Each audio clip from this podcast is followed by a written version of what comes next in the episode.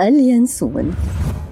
يستعمل اليانسون الذي يحتوي على الزيوت الأساسية من أجل نكهته وعلاج تقلصات الجهاز الهضمي والمساعدة في الهضم وطارد للغازات. كما أن تناوله من قبل المرضعات يزيد من إنتاج الحليب ويريح الأطفال من المشاكل الهضمية. كما أنه يستعمل في العديد من الصناعات الغذائية.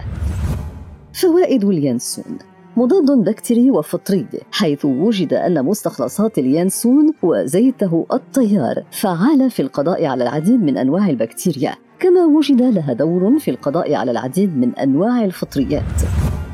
مرخ للعضلات حيث وجدت الأبحاث أن مستخلصات اليانسون وزيته الطيار فعاله لإرخاء العضلات مضاد للتشنجات وطارد للبلغم حيث وجدت العديد من الدراسات قدرته على رفع كمية البلغم التي يقوم الجهاز التنفسي بطردها. تخفيف أعراض الحكة بخلطة من الأعشاب ومغلي اليانسون. علاج قرحة المعدة. يخفض التضرر الذي يصيب الغشاء المخاطي من المواد المحفزة للقرحة. يمكن أن يكون له دور في علاج الغثيان. علاج للإمساك حيث له دور في تليين الأمعاء. يمكن أن يساهم الزيت الطيار في علاج الإدمان على المورفين. مسكن ومضاد للالتهابات حيث يعمل مستخلص اليانسون كمسكن بتأثيرات الأسبرين والمورفين. وجدت إحدى الدراسات أن إعطاء ثلاث كبسولات في اليوم من مستخلص اليانسون للنساء في مرحلة انقطاع الطمث لسن اليأس يقلل من عدد الهبات الساخنة التي تصيب النساء في هذه المرحلة ومن شدتها. يفيد اليانسون في حالات عسر الطمث وله قدرة على تخفيف الألم أكثر من دواء حمض الميفيناميك.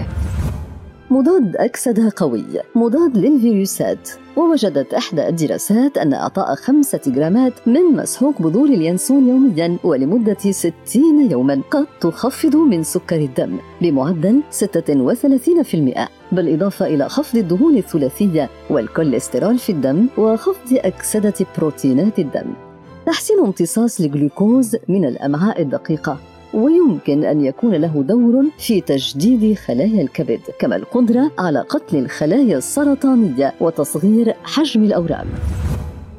يقترح بعض الأبحاث الأولية أن تناول كوب من شاي خلطة اليانسون والبابونج والزعفران والشمر والكراوية وعرق السوس والهيل والحبة السوداء يخفف الحكة وعدم الراحة في النوم عند الأشخاص المصابين بالربو التحسسي.